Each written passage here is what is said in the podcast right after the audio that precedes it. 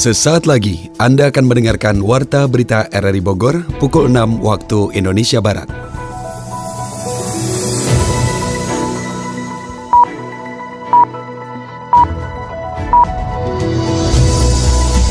Selamat pagi, salam jumpa.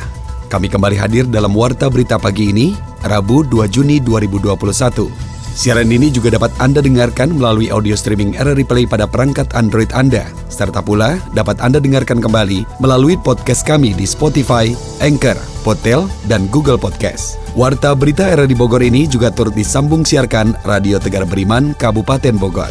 Berikut kami sampaikan berita utama. Menteri Keuangan Sri Mulyani Indrawati mengungkap empat langkah yang akan diambil pemerintah dalam rangka memulihkan ekonomi dari dampak pandemi COVID-19.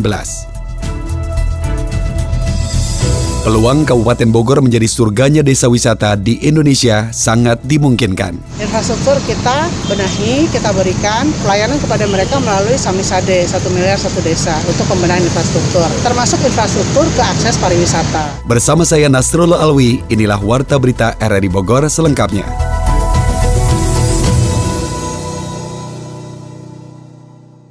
Menteri Keuangan Sri Mulyani Indrawati mengungkap empat langkah yang akan diambil pemerintah dalam rangka memperkuat belanja negara untuk memulihkan Indonesia dari dampak pandemi COVID-19. Sri Mulyani dalam rapat paripurna DPR RI di Jakarta Senin mengatakan upaya penguatan belanja sangat penting untuk mendukung efektivitas penanganan COVID-19, mempercepat pemulihan ekonomi, dan mendukung reformasi struktural. Di samping itu juga mendorong subsidi dan bantuan sosial agar lebih tepat sasaran dan efektif, serta mendorong penguatan desentralisasi fiskal dan penguatan sinergi antara pusat dan daerah. Ia menyebutkan penguatan ini akan dilakukan melalui beberapa upaya, yakni memprioritaskan berbagai aspek pendukung pemilihan seperti menciptakan sistem kesehatan yang terintegrasi, serta penguatan program perlindungan sosial yang adaptif. Reformasi penganggaran akan terus dilanjutkan dengan belanja kebutuhan dasar harus semakin efisien, yakni memfokuskan program prioritas. Ketiga, transformasi subsidi dan bansos dilanjutkan agar lebih tepat sasaran dan efektif.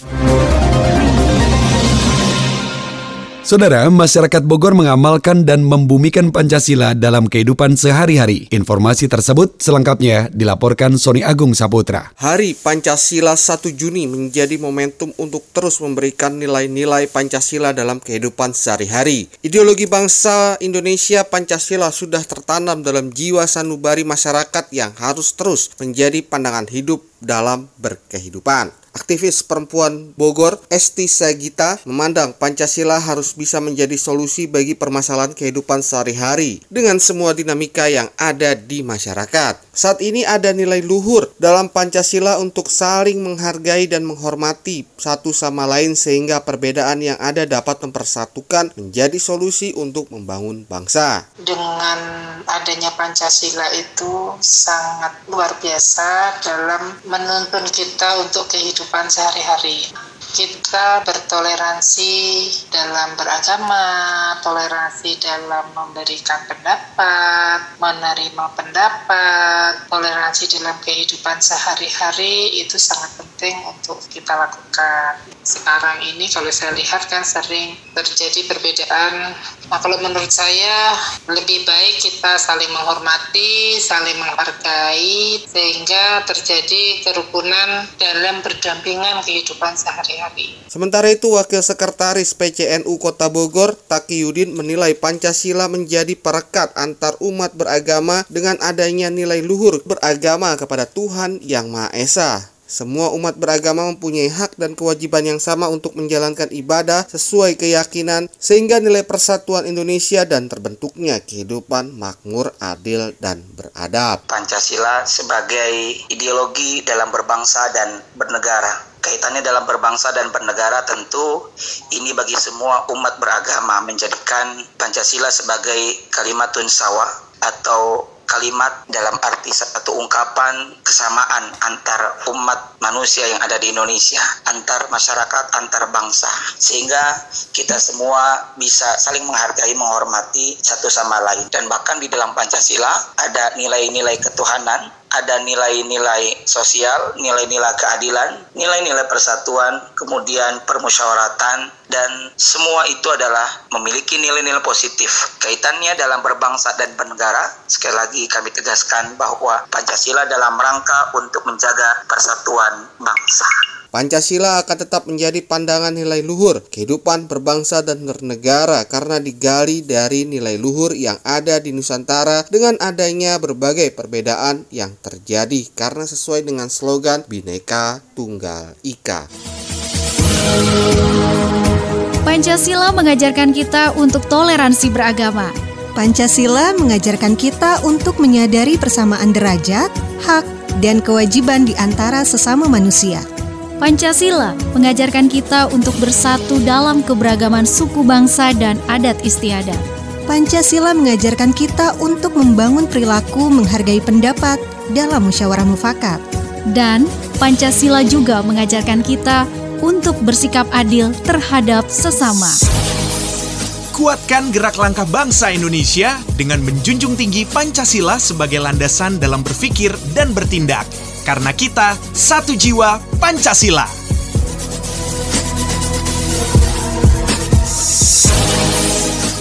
Peluang Kabupaten Bogor menjadi surganya desa wisata di Indonesia sangat dimungkinkan. Yofri Aryadi melaporkan. Peluang Kabupaten Bogor menjadi surganya desa wisata di Indonesia sangat dimungkinkan. Selain ada 400 lebih desa yang dapat dikembangkan, saat ini sekitar 33 desa di Kabupaten Bogor didesain sebagai desa wisata. Potensi yang besar itu pun menjadi prioritas Bupati Bogor Ade Yasin untuk menata dan mengelolanya sebagai aset pendapatan daerah dan meningkatkan perekonomian di desa. Salah satu yang menjadi langkah strategis pemerintah daerah adalah memperbaiki infrastruktur di desa khususnya yang menuju akses objek wisata melalui lomba anugerah desa wisata dan kompetisi sejenis termasuk program politik Bupati Ade Yasin 1 miliar satu desa. Memerdekakan masyarakat ya tentunya. Yang kita dukung adalah bagaimana meningkatkan kemauan, keinginan mereka untuk meningkatkan perekonomian di desa. Nah yang kita dukung yang pertama adalah infrastruktur. Infrastruktur kita benahi, kita berikan pelayanan kepada kepada mereka melalui Samisade, satu miliar satu desa untuk pembenahan infrastruktur. Termasuk infrastruktur ke akses pariwisata. Ada lomba pariwisata desa dengan nilai yang cukup lumayan dengan total hadiah satu setengah M. Jadi nanti pemenang itu uang itu harus dipakai untuk penataan atau pengelolaan. Pariwisata tidak akan berkembang tanpa ada keterlibatan banyak pihak. Persatuan Hotel dan Restoran Indonesia misalnya. Camat Cisarua, Denny Humaydi menambahkan kolaborasi antara hotel, restoran, dan objek wisata harus menyatu dan menciptakan brand baru di setiap destinasi wisatanya. Saya kan ingin juga menjodohkan antara PHRI dengan UMKM. Selama ini saya ngomong jeng PHRI, UMKM-nya begini Pak. Saya ngomong aja UMKM, hotel begini Pak. Berarti kan dua-duanya. Tapi saya mau mau diadu-adu kan. Saya cari nanti dengan titik mana bisa. Yakin kita punya mau di Jogja itu punya roti Pak. Enak itu. Hmm. Roti penyok gitu. Tinggal kita bagaimana membranding dia supaya kelasnya naik. Kabupaten Bogor memiliki potensi wisata modern dan wisata alam. Paket lengkap untuk menjadi ikon baru dalam mendongkrak perekonomian baik di wilayah perkotaan maupun pedesaan yang ada. Pengelolaan objek wisata di desa akan lebih optimal jika dikelola langsung oleh organisasi perangkat desa seperti BPD ketimbang diserahkan kepada pihak ketiga. Pemerintah Provinsi Jawa Barat melalui Dinas Pariwisata dan Kebudayaan Disparbud Jabar menyiapkan sejumlah strategi sebagai upaya mempercepat industri kepariwisataan untuk mendongkrak perekonomian di samping mengendalikan atau menekan penyebaran virus COVID-19. Kepala Dinas Pariwisata dan Kebudayaan Provinsi Jawa Barat, Dedi Taufik di Bandung mengatakan, pihaknya memiliki sejumlah pilar sebagai strategi dalam rangka mengakselerasi pariwisata dan kebudayaan di Jawa Barat. Dedi menuturkan strategi pertama, menguatkan kekuatan budaya. Jawa Barat memiliki zona budaya, Sunda Betawi, Sunda Priangan di wilayah metropolitan Bandung sekitarnya, dan Cirebonan. Kekuatan itu akan diangkat melalui sebuah ekspansi budaya di masing-masing kabupaten kota di masa pemulihan ini. Menguatkan SDM karena di dalam adaptasi kebiasaan baru ada adaptasi di internal dan eksternal pariwisata yang sigap menyesuaikan terhadap kondisi pandemik. Kemudian mengembangkan konten destinasi yang berbasis religi, alam, serta buatan. Namun di masa pemulihan, pihaknya lebih memprioritaskan pariwisata berbasis alam karena dianggap lebih sesuai dengan kondisi pandemi.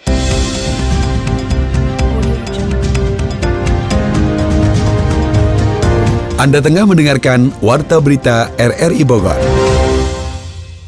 Aparatur Kecamatan Bogor Tengah terus mengawasi pelaksanaan pengerjaan proyek pedestrian di Jalan Pajajaran Kota Bogor. Selengkapnya dilaporkan Sony Agung Saputra. Aparatur Kecamatan Bogor Tengah terus mengawasi pelaksanaan pengerjaan proyek pedestrian di Jalan Pajajaran Kota Bogor. Proyek pedestrian menelan nilai pengerjaan hingga miliaran rupiah itu dari Kementerian PUPR berada di wilayah Bogor Tengah dan Utara Kota Bogor sepanjang sedikitnya 12 km. Camat Bogor Tengah Abdul Wahid mengatakan pihaknya melakukan pengawasan terhadap pengerjaan pedestrian agar menciptakan infrastruktur yang berguna bagi perkembangan wilayah. Pengerjaan proyek itu masih berlangsung sehingga sehingga pihaknya memastikan terjadinya kondusivitas wilayah dengan selesai dengan cepat dan tepat sasaran. Menurut Abdul Wahid, pengerjaan proyek pedestrian itu jangan sampai menjadi tempat mangkal PKL dan parkir liar yang membuat kumuh kawasan Jalan Pajajaran. Untuk itu koordinasi dan komunikasi dengan pemerintah Kota Bogor terutama instansi terkait menjadi hal yang penting agar mengetahui situasi wilayah. Proyek dari PUPR pusat melalui PUPR Provinsi Jawa Barat. Kita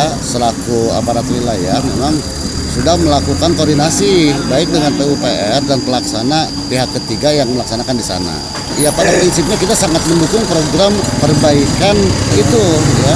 Di samping untuk penataan juga di sana untuk menertibkan supaya tidak digunakan semena-mena oleh PKL.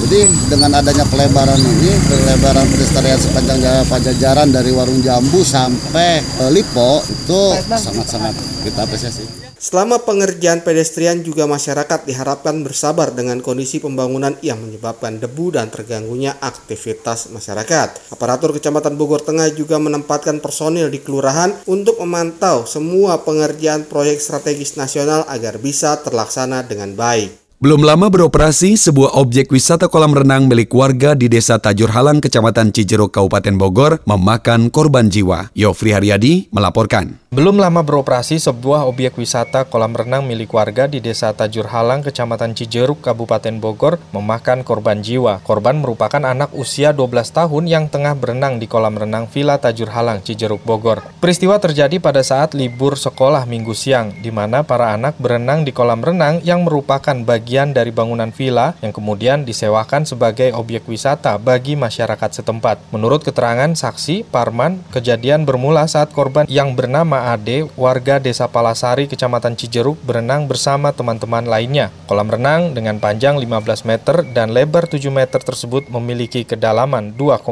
meter. Diduga korban tidak dapat berenang sehingga tenggelam di antara kerumunan teman-teman lainnya dan setelah dievakuasi, nyawa Ade tidak tertolong. Kejadian maki ya. Yeah. Orang keur ngarokok di sisi, bener hmm. teh? Yeah. ngarokok aya rame-rame budak aya nu teuleum. Hmm. Urang nulungan ka handap sakitu doang. Bapak lihat Satu menit lah. Satu menit. Abdi turun ke handap satu menit paling ge. Uh, pas dia tenggelam itu Bapak nggak melakukan apa-apa? Enggak, aku cuma diangkat doang, ngangkat doang ke cuma liatin doang. Ternyata si korban sudah tidak udah, bernyawa. Udah, udah bernyawa, iya. Banyak sih kan anak-anak, anak-anak. Apa dilempar? Cuma lihat-lihat doang. Oh, lihat-lihat. Oh. Ngelemparin nggak tahu saya nggak nggak tahu. Iya. Ngelemparnya nggak tahu. Saya cuma nolong ke bawah. Dikirain masih hidup, diangkat udah mati gitu gitu aja saya tuh. Peristiwa itu pun masih dalam pendalaman oleh pihak Polsek Cijeruk. Kapolsek maupun Kanit Reskrim Polsek Cijeruk belum memberikan keterangan terkait meninggalnya bocah 12 tahun di kolam renang sebuah villa milik warga Jakarta tersebut. Akibat kejadian itu pun lokasi kolam renang ditutup dan dilingkari garis polisi karena dalam proses penyidikan.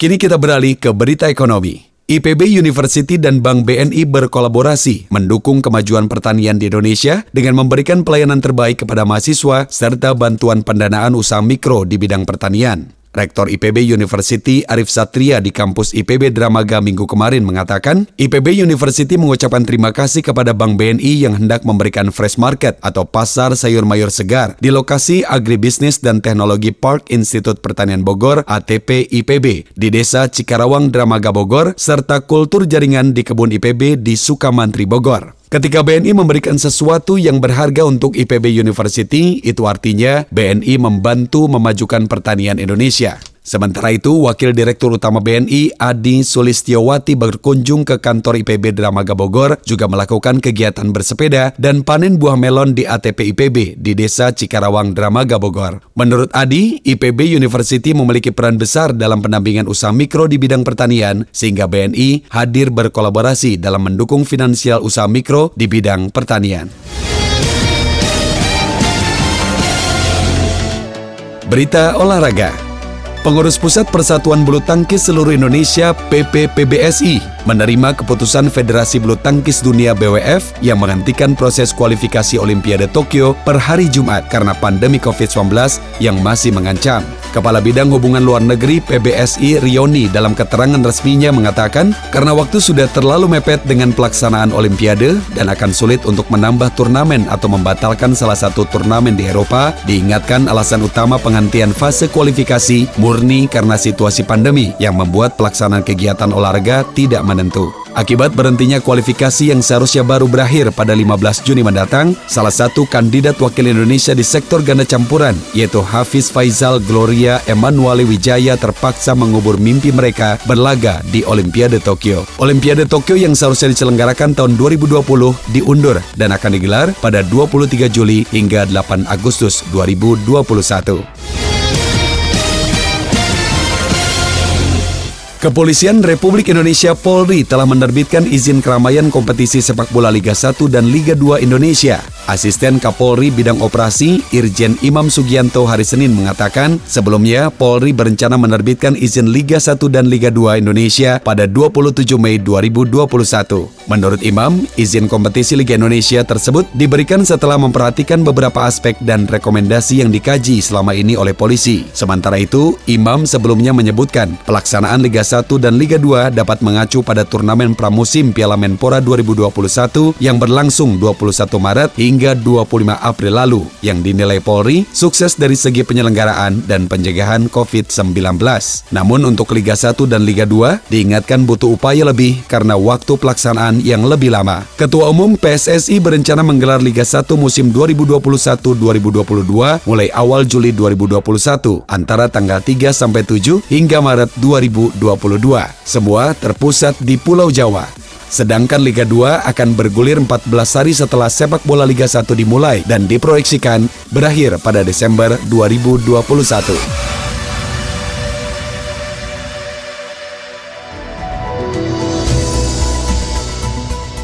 Demikian informasi yang dapat kami sampaikan dan berikut kembali kami sampaikan berita utama hari ini. Menteri Keuangan Sri Mulyani Indrawati mengungkap empat langkah yang akan diambil pemerintah dalam rangka memulihkan ekonomi dan dampak pandemi COVID-19. Peluang Kabupaten Bogor menjadi surganya desa wisata di Indonesia sangat dimungkinkan. Siaran ini dapat Anda dengarkan kembali melalui podcast kami di Spotify, Anchor, Potel, dan Google Podcast. Mewakili kerabat kerja yang bertugas hari ini, saya Nasrullah Alwi mengucapkan terima kasih. Selamat pagi.